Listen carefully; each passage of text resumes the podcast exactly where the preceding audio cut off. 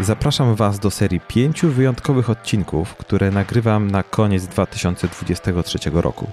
W tych odcinkach z moimi gośćmi poruszam dwa główne tematy. Rozmawiamy o trendach na 2024 rok i składamy sobie życzenia noworoczne. Wśród gości odcinków noworocznych są Elżbieta Czaczyńska, Aneta Pacek-Łopalewska, Jakub Kaliński, Michał Kibil, Mikołaj Lech, Wojtek Wawrzak, Tomasz Zalewski i Marcin Zrenda. Każdej z tych osób zadaje te same dwa pytania. Jakie widzisz trendy w branży prawniczej, które pojawią się w 2024 roku? Oraz czego życzysz sobie i branży na nowy rok? Odpowiedzi, jakie usłyszycie, mogą Was zdziwić, rozbawić, a na pewno zmusić do przemyśleń. Wszystkie odcinki w tej serii oznaczone są hashtagiem życzenia 2024, więc łatwo można je odnaleźć w aplikacji podcastowej. Zapraszam do słuchania. To jest podcast bez prawniczenia, w którym rozmawiam z gośćmi o biznesie w kancelariach prawnych. Ja nazywam się Szymon Kwiatkowski i witam Cię w kolejnym odcinku podcastu. I dziś jest kolejny odcinek noworoczny poświęcony trendom, jakie moi goście widzą, że zaistnieją w branży w 2024 roku. I przy okazji jest to też przestrzeń, aby życzyć sobie i innym prawnikom pokoju na świecie. Zupełnie jak Miss Świata Uniwersum z lat 90., one wszystkie życzyły sobie i nam pokoju na świecie, więc y, dzisiaj też może jest taka szansa, żeby moi y, misterowie, mistrzowie, misterzy Uniwersum też życzyli y, pokoju na świecie. A moimi gośćmi dzisiaj są Wojciech Wawrzak, y, bloger, radca prawny, znany bliżej jako Prakreacja, tak mi się zdaje, że chyba z tego, y, z tego brandu jesteś najbardziej znany, ale też miłośnik mocnych brzmień i ciężkich gitarowych riffów. A drugim gościem jest Mikołaj Lech, też bloger, rzecznik patentowy. Kiedyś krzyżował rękawice w ramach treningów MMA. Na szczęście mu przeszło i zaczął porządny sport, czyli triatlon. Więc dzień dobry panowie, jak się macie? Wojtku? Dzień dobry, dzień dobry. Mamy się fantastycznie. Tak, ja się cieszę zdrowiem właśnie. Bardzo doceniam, że nie kaszlę. A jak święta, powiedzcie? Ogarnęliście, czy jeszcze, jeszcze serniczek tam gdzieś yy, siedzi? Święta, święta jakie są, każdy widzi. W swojej lodówce bądź na swoim balkonie. Ja zrobiłem z kolei bardzo nierozsądną rzecz i w ciuchach yy, w drugi dzień świąt się zważyłem, więc po prostu złapałem się za głowę. I... Czy jest tak, że miałeś ciuchy narciarskie na tak, sobie? Wiesz, nowy rok, nowa ja, tak? Miałeś buty narciarskie, kijki, miałeś ze sobą kaski w ogóle i dlatego i wszedłeś na wagę, się przestraszyłeś, czy jednak? Nie, jakoś tak stała obok i mówię, a, a, a, a jestem ciekawy i pożałowałem tego. Okej, okay. to ile na plusie? Wiesz co, y, no dobra, no przyznam się, no 3 kg, ale to były, wiesz, bardzo duży sweter, prawda? Buty narciarskie. Tak, tak, tak. Nie, wiesz, przyjąć plus 3 kilo, to musiałbyś tych kalorii tam przytulić. Nie, ja później poszedłem sobie tego samego dnia, klepnąłem 21 kilometrów lekkim biegiem.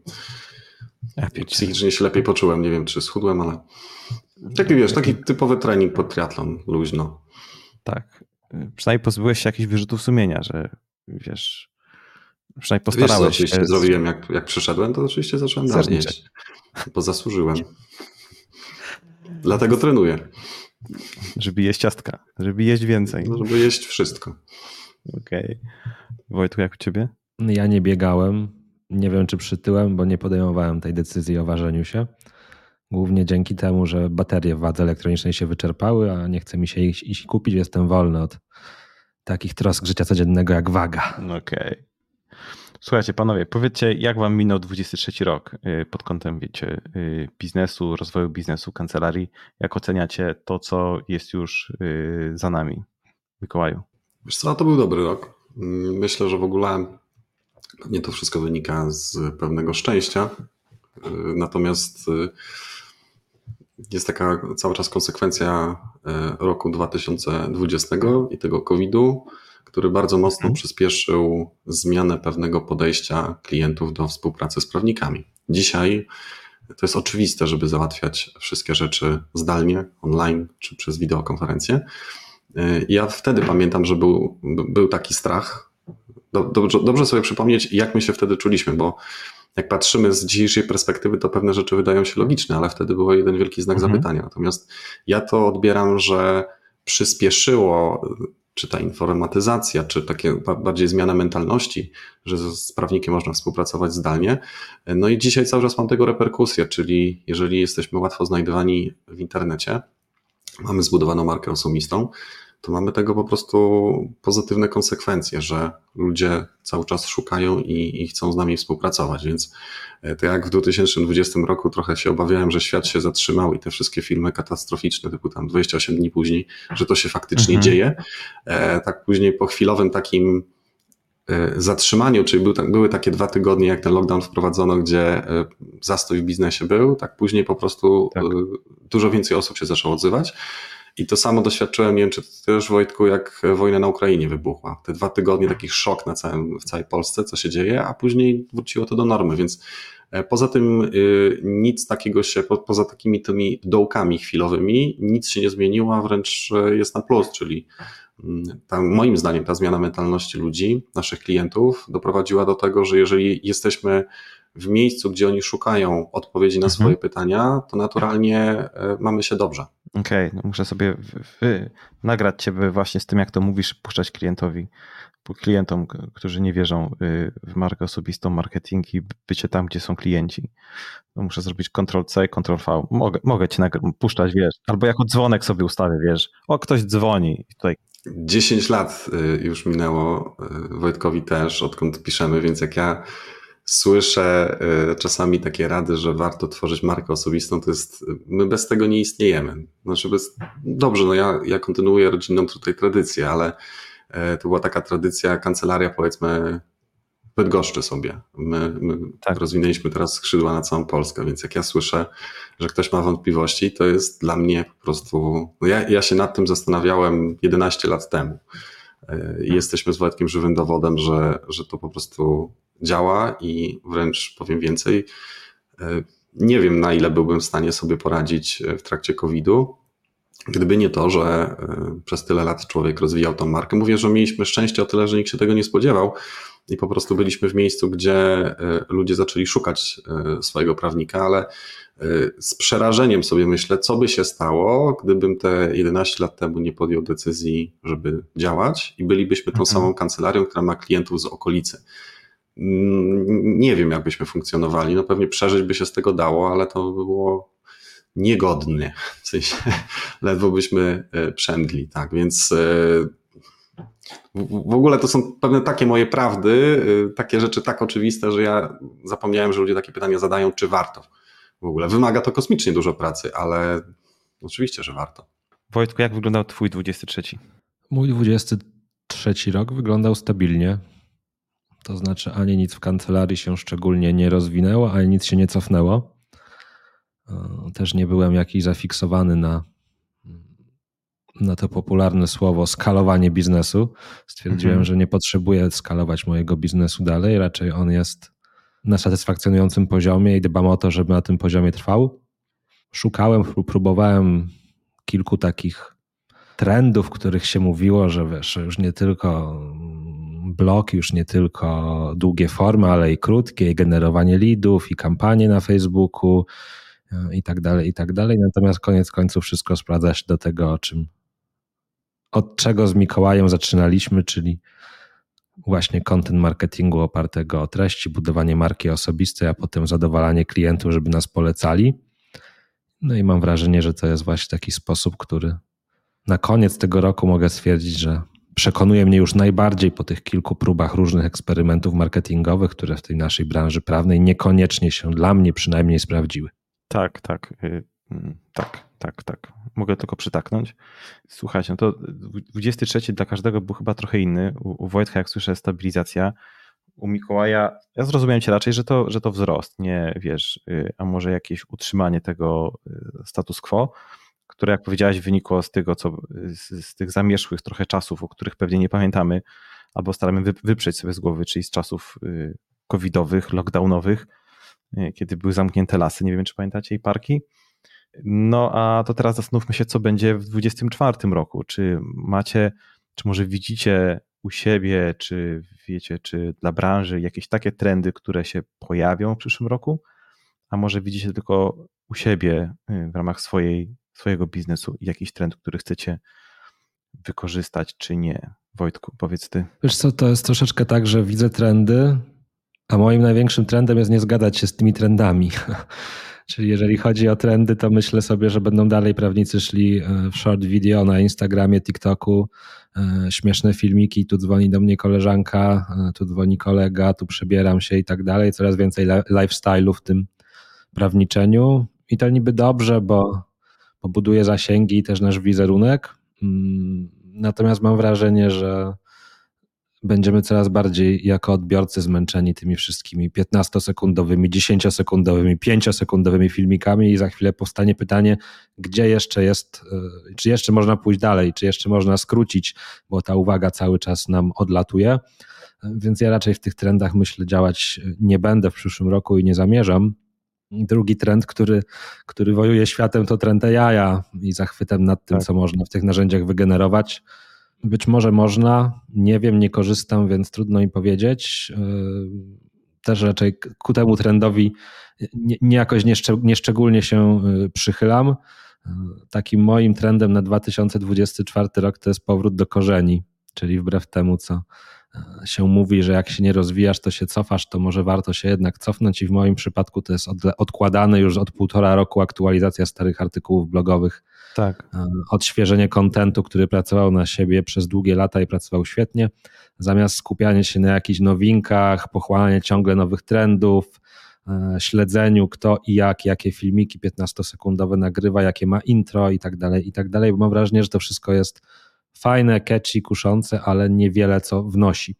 W związku z tym moim trendem będzie stara, dobra, rzemieślnicza praca nad treściami i zadowalanie klientów w obsłudze jeden na jeden. Okej, okay, no tak, bo to, jest, to, to, się zawsze sprawdzi. To y, dobra jakość, dobry materiał na, na stronce, na blogu zawsze będzie grał, nie? zawsze będzie dobrze grał. A te efemeryczne treści 15-sekundowe, one są, żyją sobie przez te właśnie 15 sekund max i potem ich nie ma. Z mojej perspektywy to wygląda tak, że tworzenie tych treści jest bardzo kuszące, Mm, i bardzo wpisujące się w to, o czym mówią psychologowie internetu, czyli o tym nagłym dopływie e, dobrych, e, dobrej energii, dobrych hormonów, to się nazywa chyba zastrzyk dopaminowy, czy, czy jakoś tak.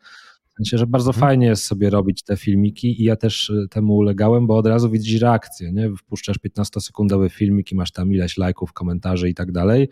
No tylko co dalej? Ja nadal wierzę, że mimo wszystko, mimo tego rozwoju tych narzędzi AI-owych, nadal Google będzie jednak głównym źródłem ruchu dla prawników e, i myślę, że ten renesans dobrych treści musi kiedyś nadejść. I te krótkie formy, jeżeli będziemy mądrze wykorzystywać, żeby kierować ruch na te nasze długie treści, to ok, tylko jeżeli ktoś prowadzi sobie marketing samodzielnie, tak jak ja, no to musi dokonać wyboru, bo nie jest w stanie jednocześnie tworzyć wyczerpujących poradników i krótkich treści, i wideo, i TikToków, i Insta Stories, e, i tweetów, czy tam Xów, jak to się teraz nazywa. W związku z tym w tym świecie wyborów ja chyba postawię na ten wybór dłuższych treści, które wymagają uwagi, bo sam też takie treści konsumuję. No, ostatnio złapałem się na tym, że gdy oglądam różnego rodzaju treści na YouTubie, to nie pięciominutowe, dwuminutowe śmieszne filmiki, tylko raczej na przykład dwugodzinne podcasty historyczne. E, więc sądzę, że i, i w branży prawnej nadal będzie spora grupa odbiorców, która takich treści będzie szukać, a nie tylko fajnych, śmiesznych, szybkich filmików. Okej. Okay. Dzięki Wojtku. Myślę sobie, że wiesz, te śmieszne filmiki, które, które można znaleźć w necie, one, y, one mają swoich odbiorców i pewnie działają trochę inaczej, czyli może w tym marketingu pełnią trochę inną rolę niż, oczywiście, że pełnią inne role niż te, niż długie artykuły czy długi content. Więc pewnie mają swoje, mają swoje zastosowanie, natomiast tak jak powiedziałeś, pewnie wymagają, znaczy nie pewnie, no, oczywiście, że wymagają dużego zaangażowania i poświęcenia dużej ilości czasu żeby je dowieść, w sensie dowieść filmiki, nagrać, wymyśleć scenariusze, w ogóle e, złożyć to, plus jeszcze potem przekierować ten ruch na, na dobrze napisany, e, merytoryczny content. No tak, to trzeba mieć to, trzeba mieć dużo zasobów. Mikołaju, jakie twoje trendy? Co rzecznicy widzą? Wiesz, czy tutaj AI bardziej działa u was, czy nie? Jakie ty trendy widzisz na przyszły rok? No wiesz co, śmieję się, tak się uśmiechnąłem, że rozmawiasz z dinozaurami blogosfery prawniczej. E, które swój sukces osiągnęły na, wydaje mi się, wysokiej jakości treści i że wracamy do podstaw. To znaczy, ja nie gonię za lajkami, ja mam taką awersję do tych social mediów, Mało się udzielam, ponieważ bardzo to odbiera uwagę. Jeżeli ja widzę, że tworzę jakiś post dłuższy czas, może one są dobre, ale zawsze mi zabierają dużo czasu, to one żyją kilka godzin i to dla mnie to mhm. dyskwalifikuje w ogóle tą formę. Więc y, ja od zawsze wykorzystuję social media tylko do dystrybucji tej mojej treści. E, za to godzinami lubię siedzieć y, i pisać te artykuły, których uzupełnieniem jest wideo, albo inaczej. To jest kolejna forma, w której to wszystko e, pokazuję. I odnośnie trendów w przyszłym roku, tak sobie mm, pomyślałem, że ja sam, który bardzo dużo piszę, nie konsumuję w ten sposób swojej treści. Nawet nie swojej, to znaczy pewnie jako jedyny przeczytałem wszystkie swoje artykuły, ale chodzi mi raczej o to, że jeżeli y, zapoznaję się z twórczością różnych y, osób, które mnie tutaj, y, które treści mnie interesują, chociażby podcasty Rafała Mazura, to przecież on to wszystko ma spisane. Nigdy nawet y, nie miałem ochoty tego czytać. Ja wszystkie podcasty słucham. Więc y, zwróćmy uwagę na to, że to, co Wojtek powiedział, że jest y, deficyt uwagi, że każdy konsumuje tak. te treści 5, 10, 15 sekund, ale poziom uwagi i chęć później przejścia z tego trybu, w którym lekkostrawne treści konsumujemy do tego, żeby później wejść w artykuł, czytać, a może się nawet z prawnikiem y, skontaktować. Nie testowałem tego, ale trochę mi się wydaje, że może być po prostu w ten sposób, y, że mamy lajki, mamy chwilową uwagę, ale nic y, za tym nie idzie. Natomiast jeżeli ktoś ma problem, trafia na artykuł i w tym kontekście na przykład słucha podcastu albo widzi film, to ma to dużo lepszy efekt, w tym sensie, że utrzymujemy tą uwagę, bo kogoś y, coś boli. Dlatego w kontekście trendów ja bym zwrócił uwagę może nie tyle co robić, tylko na to, jak odbiorcy zaczynają e, konsumować treści, a w szczególności konsumować te treści, który, które e, mogą nam konwertować. I w tym kontekście mhm. E, ja też obserwuję, że, że no, nie chcę powiedzieć, że to będzie rok YouTube'a, ale rok e, dłuższych, e, merytorycznych treści, bo sam widzę, że na YouTube wykorzystuję jak podcast, czyli słucham sobie tych treści, gdzieś jadę tak. samochodem, tak. nie zawsze mam telefon włączony, więc e, choć, znaczy ja, ja działam w ten sposób, że wątpię, żeby ktoś szukał podcastu na temat powiedzmy znaków towarowych,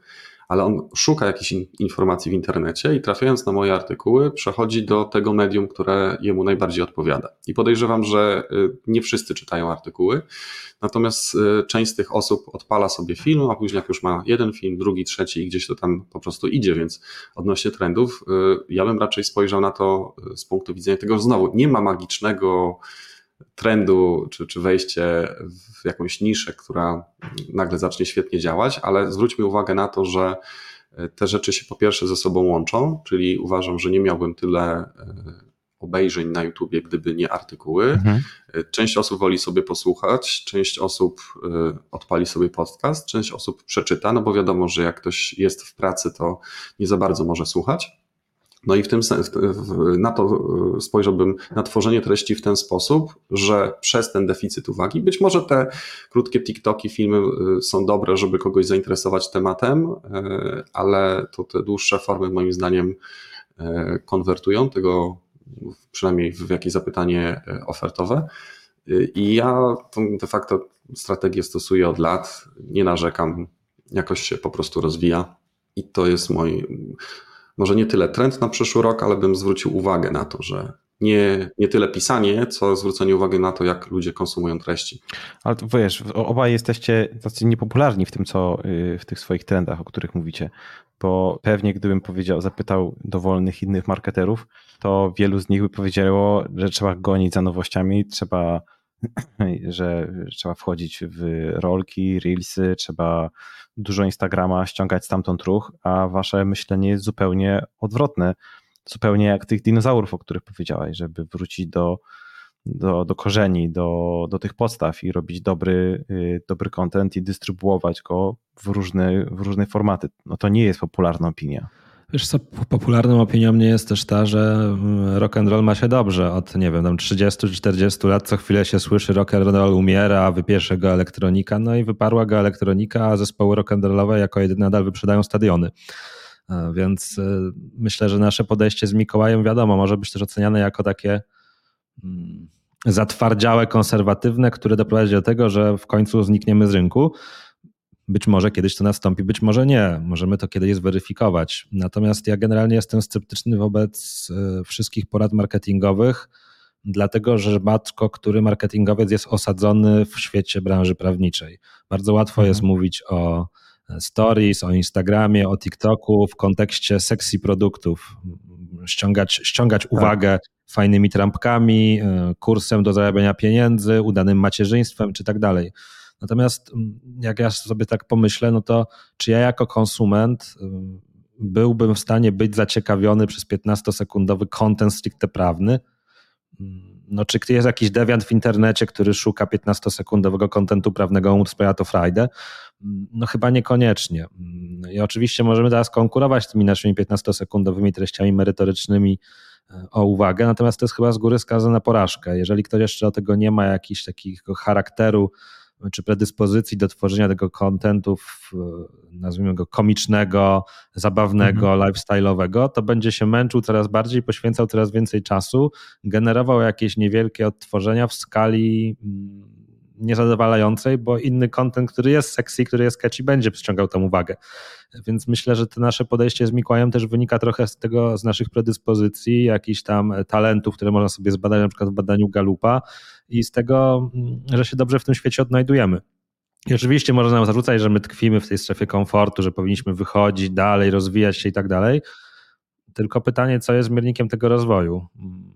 No bo sami z Mikołajem wiemy, ile zajmuje czasu tworzenie tego kontentu merytorycznego i czy my jesteśmy jeszcze w stanie wygospodarować na przykład kolejną godzinę dziennie, żeby ten długi kontent ciąć w krótkie, strawne formułki, right, sprzedawać dalej. To jest też po prostu kwestia wyboru. Natomiast wszystkie osoby, które są zachwycone tymi trendami i nowymi, nowymi nowinkami, mm, też przestrzegam, żeby się też z taką autorefleksją pod tytułem, mm, czy to faktycznie coś przynosi dalej, no bo mm, można tworzyć mnóstwo kontentu, można mieć wielu followersów. Pytanie, czy to się przekłada na stawkę godzinową w kancelarii, czy to się przekłada na liczbę klientów w kancelarii, czy to się przekłada na sprzedaż jakichś produktów. To są oczywiście kwestie, jakie cele sobie stawiamy. No ale tak, tak jak wspomniałeś, Szymon, że no każdy rodzaj kontentu w internecie służy innym celom. Jeżeli prawnikom pracuje kontent krótki, i ma przełożenie na rozwój biznesowy, fajnie. Mm, okej, okay. mnie to się nie sprawdza, bo ja nie potrafię tworzyć krótkiego tak. kontentu przyciągającego potencjalnych klientów. Dla mnie działa kontent długi. Słuchajcie, Mikołaju, chciałbyś coś dodać jeszcze? Wiesz co, ja powiem w ten sposób. Najprostsza prawda. My z Wojtkiem głosujemy nogami, tak? Czyli angażujemy się w treści, które widzimy, że w dłuższej perspektywie generują nam klientów, bo chyba tak trzeba do, do tego podejść. E, tak. Dlatego nie przepadam za, za e, tworzeniem na social media. Nie ma znaczenia, że tak powiem, ilość obejrzeń filmu. Jakbym pisał o jakichś ciekawostkach, to jestem przekonany, e, czy, czy nagrywał film o jakichś ciekawostkach, to byłoby to chętniej oglądane. I co z tego? Prawda? Jakbym miał więcej lajków, to nie ma w dłuższej perspektywie większego znaczenia, choć oczywiście jakieś ma, bo, bo temu potencjalnemu klientowi gdzieś tam się po prostu pojawiamy, ale głosujemy nogami, czyli jeżeli e, swoimi narzędziami gdzieś mierzymy skąd e, przychodzą e, płacący klienci, no to po co szukać kolejnych trendów, skoro to działa? Oczywiście nie deprecjonuję tego, trzeba by trzymać rękę na pulsie, co tam będzie się za chwilę zmieniać w Google i w ogóle, no ale taka jest prawda. Jeżeli, znaczy ja mam w ogóle taką filozofię, że moją ideą jest tworzenie tak e, przydatnych i dobrze stworzonych treści, że ludzie po prostu powie, wiesz, że będzie efekt wow. Tak. E, mhm. Jest to trudne do osiągnięcia, bo trzeba po same uszy być zanurzony w praktyce w tym zakresie, mieć może jakieś talenty, ale mieć też umiejętność, którą człowiek już po tylu latach e, tworzenia w sobie wyrobił, żeby bardzo pozytywnie nawet na tle konkurencji wyglądać i mhm. w tym momencie, jeżeli ja nawet mam taką teorię, że nie ma znaczenia, czy jesteś wtedy w Google na drugim czy na trzecim miejscu, bo jeżeli ktoś zacznie konsumować te treści, to nagle powie: O kurczę, to jest y, coś dużo, dużo lepszego, ale płacę za to, za to czasem, którego okay, jest w tym aspekcie coraz mniej, bo jeżeli y, prawda Wojtka, którą sformułował parę lat temu, prawda, że sukces bloga zabija bloga, bo jeżeli masz klientów, to nie masz czasu tworzyć. Więc y, żeby stworzyć dobry artykuł, to trzeba poświęcić e, wiele godzin. nawet jeżeli ktoś umie ładnie pisać, to czasami pewne rzeczy trzeba sprawdzić, przemyśleć, u mnie to ewoluuje, w sensie ten artykuł w głowie mi się tworzy y, przez parę dni, w momencie, kiedy ja nad tym artykułem piszę, siedzę i, i tworzę, więc może stara strategia, może nie jest to strategia sexy, ale w tej chwili działa, nie widzę, żeby coś miało się zmienić. Nie wierzę, że jeżeli my tworzymy jakiś długi artykuł uzupełniony filmem, to my przegramy z jakimś TikTokiem 15-sekundowym. Pewnie przegrać nie, natomiast ja powtórzę to, co rozmawiam, o to, to, o czym mówiłem Wojtkowi, że te TikToki i Instagramy, krótkie formy po prostu mają swoje miejsca albo mają swoją inną funkcję, których, którą, y, którą spełniają i funkcję odmienną od tych, które y, wypełniacie tym długim, dobrym kontentem, tym wiecie, y, takim, na którym trzeba poświęcić te 30-40 minut. Po prostu pewnie mają swoje miejsce w lejku marketingowym i docierają do innych ludzi, no i spełniają inną funkcję. Pamiętam, że kiedyś, y, tutaj przypomnę, przypominam sobie taki wywiad Aniserowicza, pewnie kojarzycie Maćka Aniserowicza i jego kursy, jeśli nie, to on, on sprzedaje potężne kursy dla IT i, i, i zarabia na tym ogromne pieniądze i kiedyś padło do niego pytanie, czy te sociale, w sensie rolki na Instagramie, czy jemu sprzedają te kursy? Hmm, czy wiesz, czy to narzędzie rzeczywiście sprzedaje, przekłada się na sprzedaż? No i oczywiście samo to narzędzie się nie przekłada na sprzedaż, ale on wykorzystuje powiedział w tym wywiadzie, że wykorzystuje y, shorty, czy tam jakieś, wiecie, krótkie wersje y, na Insta po to, żeby tłumaczyć sam produkt i żeby nie tyle sprzedawać, to tłumaczyć funkcjonalności i w, szybkim, w szybki sposób przekonywać tych, którzy są jeszcze nieprzekonani właśnie na tej platformie, ale nie sprzedawać. Więc myślę sobie, że rozumiem wasze podejście, przy czym nie deprecjonuję i nie kasuję instagramowych y, krótkich form, bo po prostu one pełnią inną funkcję i docierają do innych, innych osób. Tak sobie o tym myślę teraz. Zgadzam się z Twoim myśleniem, Szymon, i myślę, że to jest po prostu kwestia wyboru. Na co mamy czas, jakie cele chcemy zrealizować. Tak. Wiesz, jak masz dobrze hulającą kancelarię, w której nie musisz pracować merytorycznie mm, i jeszcze delegujesz jakiś marketing i tak dalej, to masz mnóstwo czasu do zagospodarowania na fan, nie? czyli na tworzenie sobie różnych fajnych treści, które cię cieszą, bawią, czujesz się jak gwiazda TV. Natomiast y, jeżeli masz y, potrzebę, żeby budować swój biznes, no to wydaje mi się, że na, na gruncie samych social mediów w tej chwili jest to niemożliwe. Nie wiem, tak. czy jest możliwe na gruncie samego bloga i na gruncie samego kanału na YouTubie. Pewnie też nie, pewnie jest to bardziej zniuansowane niż wtedy, kiedy my zaczynaliśmy z Mikołajem, tylko to jest chyba trochę taka gradacja. Żeby wykorzystać social media do kierowania ruchu na, na coś więcej, musisz mieć najpierw coś więcej. Jak zaczynasz tylko od tego coś mniej, to do czego masz kierować? Nie? Ja pod, podstawowe zagrożenie, jakie widzę dla ludzi zachłyśniętych tymi social mediami, to jest to, że nie ma nic poza nimi. I mhm. co się stanie w pewnym momencie, gdy trend się odwróci. Nie? My z Mikołajem przetrwaliśmy już pewnie z 10 lat różnych trendów. Nie? Trend mobile, trend wideo, trend aplikacji, e, trend podcastów, bla, bla, bla i ciągle płyniemy sobie w jakiejś tam mm, e, rzece. I myślę, że, że, że, że, poleganie tylko na trendach jest mocno niebezpieczne, ale najbardziej niebezpieczne dla mnie, co, co, co też ja mam w ogóle duży problem z tym, to jest nadmierny konsumpcjonizm treści tych krótkich, między innymi jakichś porad marketingowych, porad co do zarządzania. Możesz się zapisać na mnóstwo newsletterów i dostawać co tydzień krótką poradę i potem sobie pomyślisz, kurczę, niby te porady są krótkie, ale ja dzisiaj godzinę czytałem jakieś porady, godzinę konsumowałem wiedzę na temat nowych trendów marketingowych, do czego mnie to popchnęło? No, do niczego, bo tylko konsumowałem, więc ja po, po, po, podejmuję decyzję, że się wypisuję z tych newsletterów i po prostu w nowym roku tam godzinę poświęcę na aktualizację wpisów blogowych i myślę, że będę miał z tego większe korzyści niż ze śledzenia trendów. Okej, okay, tutaj, tutaj Cię rozumiem. Mikołaju?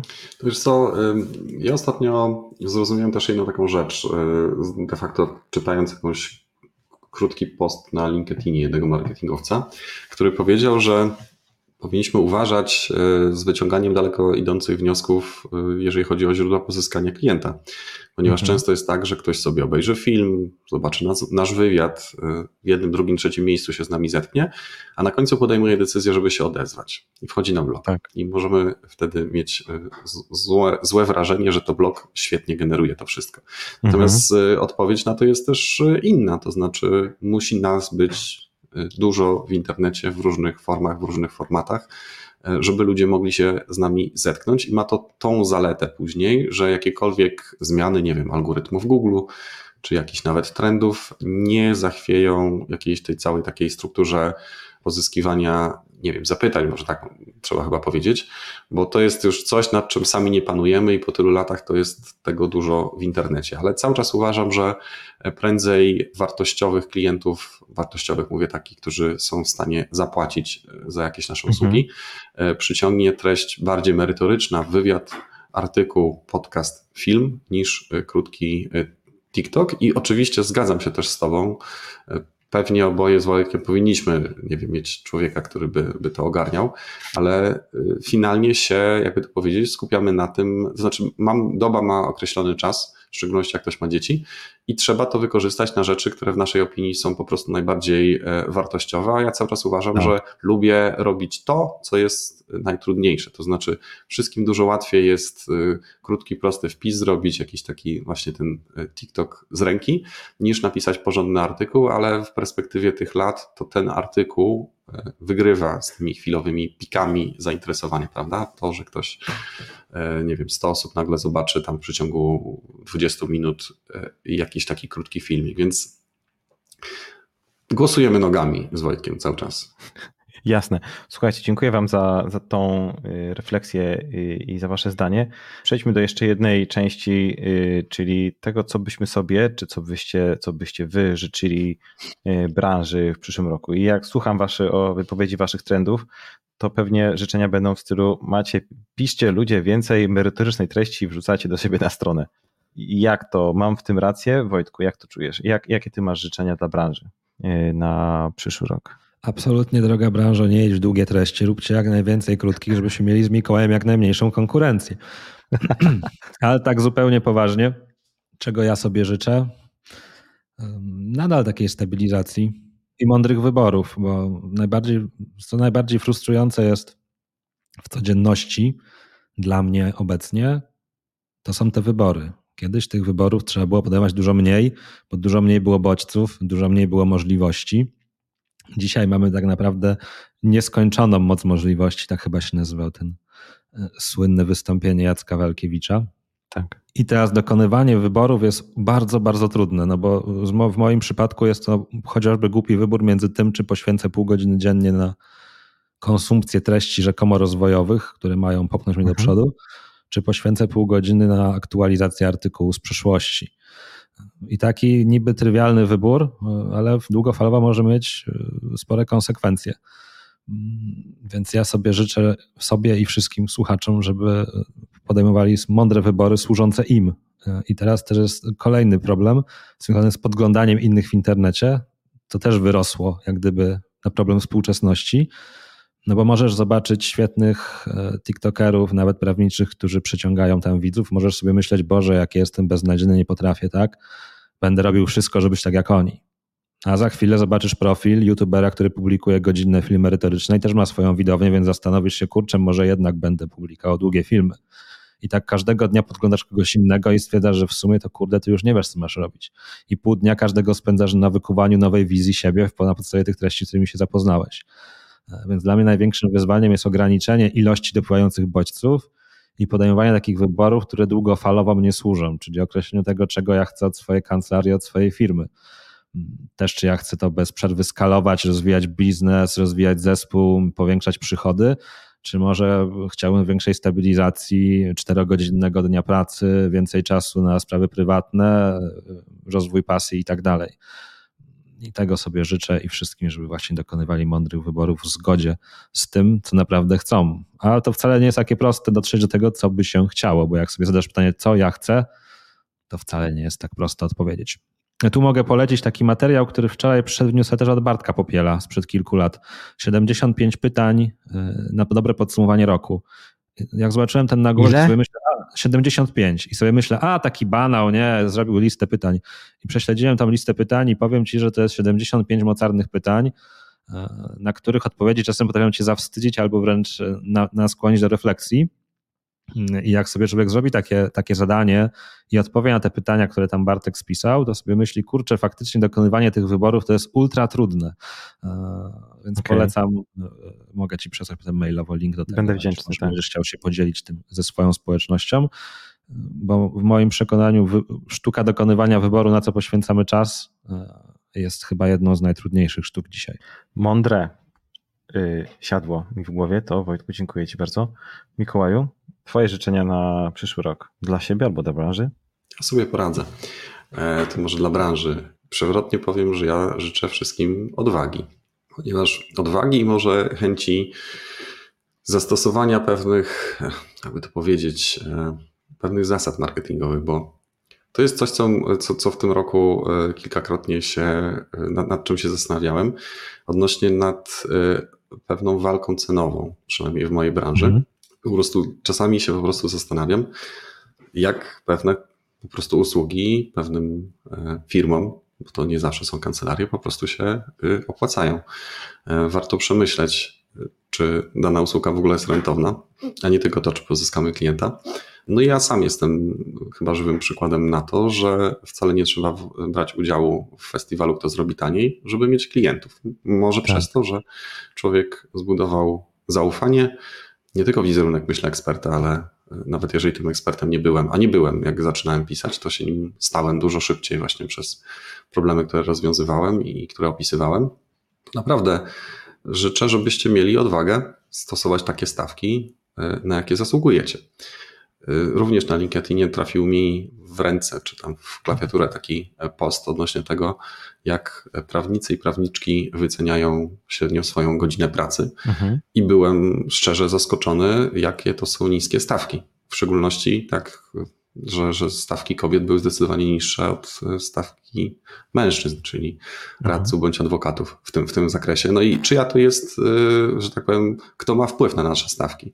Każdy powie, że konkurencja, tak? A ja uważam, że to tylko my e, mamy na to wpływ i trzeba się, że tak powiem, nastawić na to, że nie każdy klient skorzysta z naszych usług, albo nawet większość klientów się odbije ale y, ci, którzy pozostaną, y, zostaną lepiej obsłużeni, bo ja tak do tego podchodzę. Jeżeli ktoś y, godzi się na takie warunki pracy, jakie ja tutaj oferuję, to, to, to jest fantastyczny klient. Ja nie chcę powiedzieć, że staram się za każdym razem klienta zaskakiwać, ale daję mu pełną moją uwagę i jeżeli trzeba, to nawet coś więcej w tym aspekcie i, i, to później ma taki, taką konsekwencję, że faktycznie ludzie nas polecają, ale to zazwyczaj nie są osoby, które szukają najtańszej firmy. My nie jesteśmy mm, księgarnią, gdzie jest dokładnie, zresztą uważam, że, że właśnie produkty typu, czy usługi typu księgarnia to jest jakaś masakra, no bo przecież wszędzie ta książka jest dokładnie taka sama.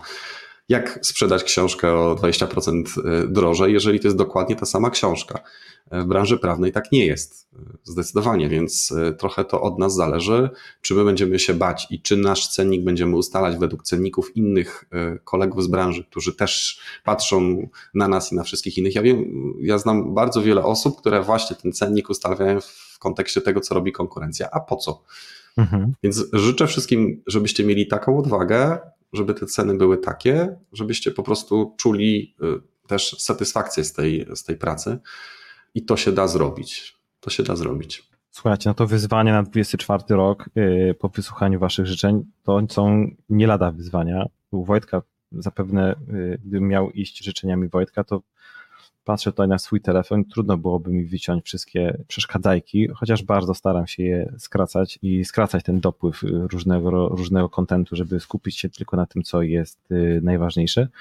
A u, u Mikołaja walka ze stawkami, w sumie ja to nazywam walką, bo wiesz co, mam wrażenie, że przynajmniej taka jest moje, moja obserwacja, y, prawnicy jak wyceniają swoje usługi, to y, rozpoczynają już przed przedstawieniem tej wyceny negocjacje sam ze sobą, że może jednak za dużo.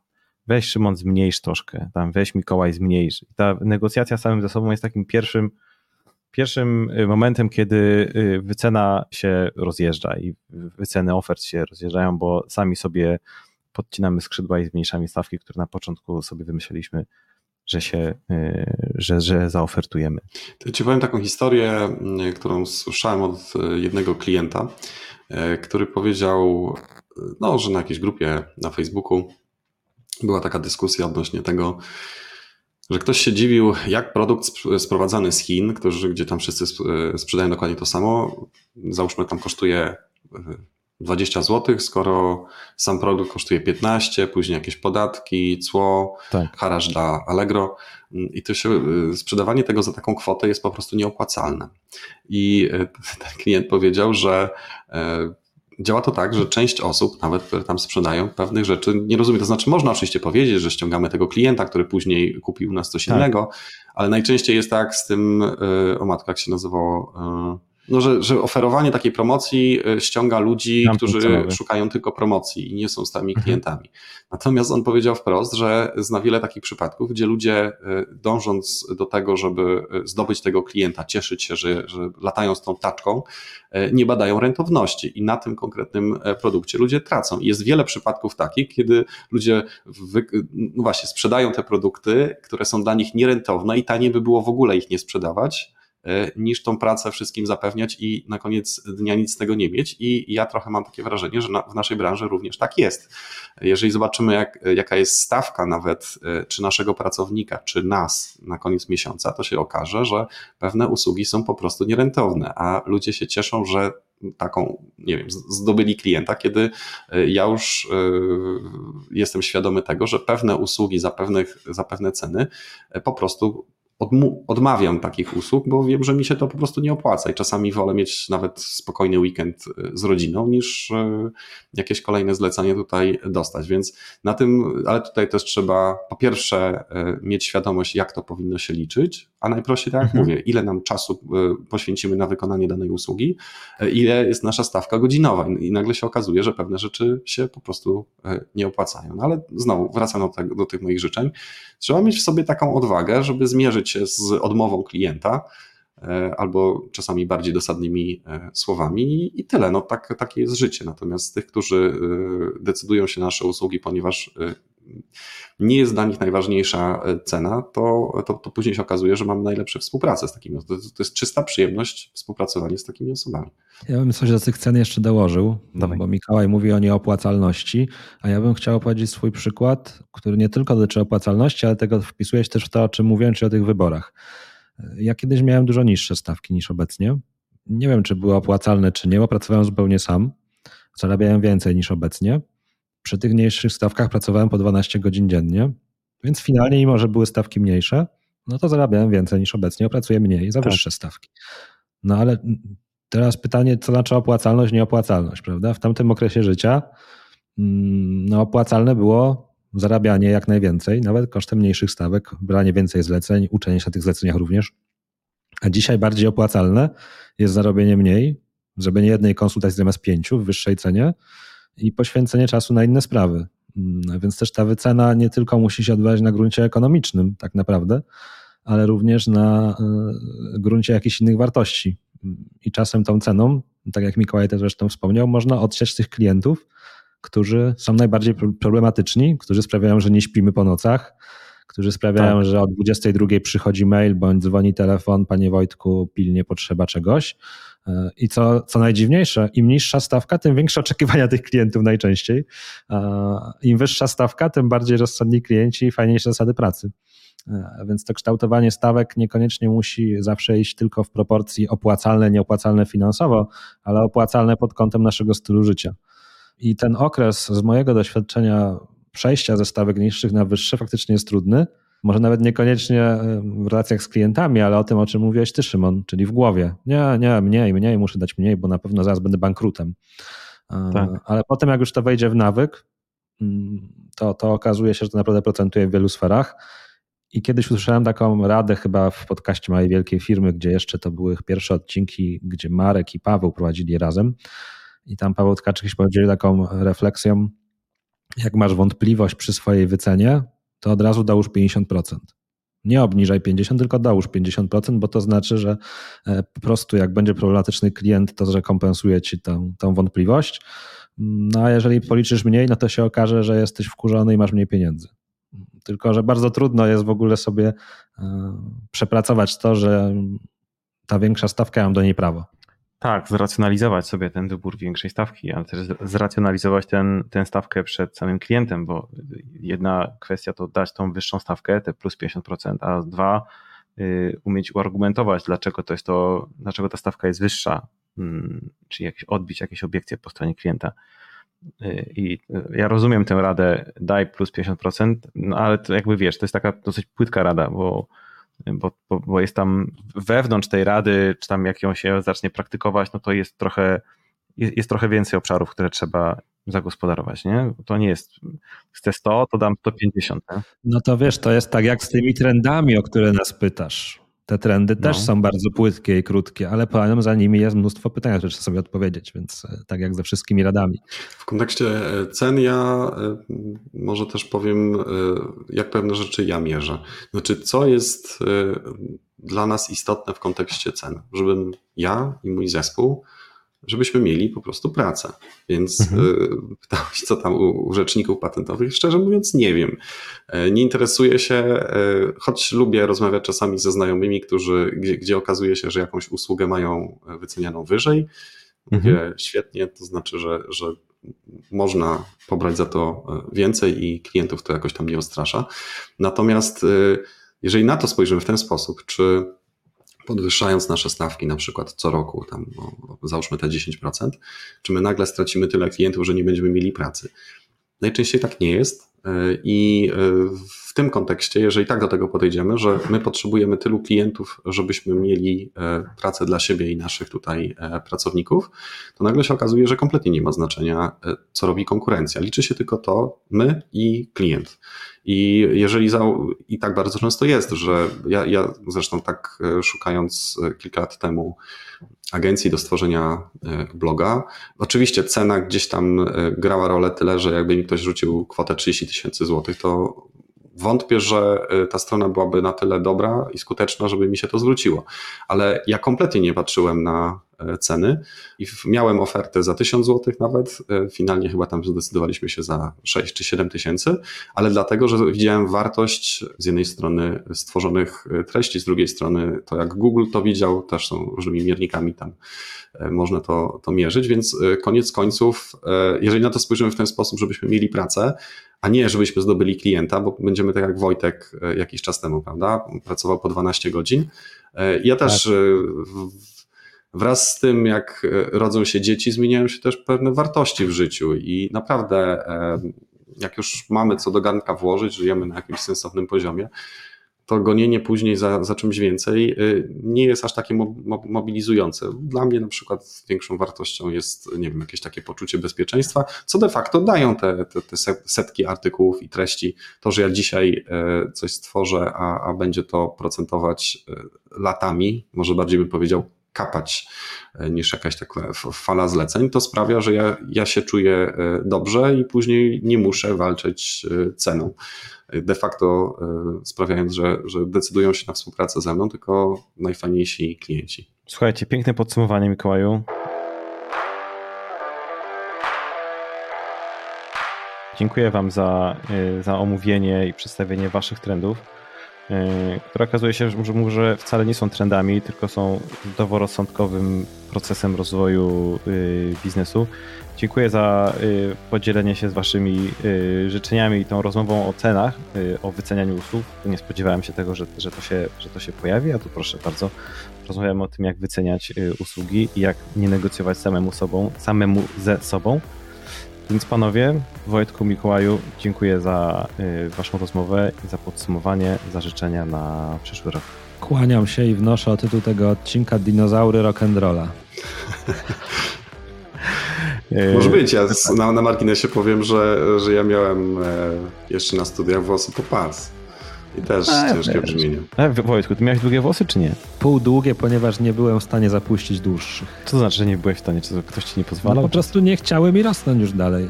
No, okej.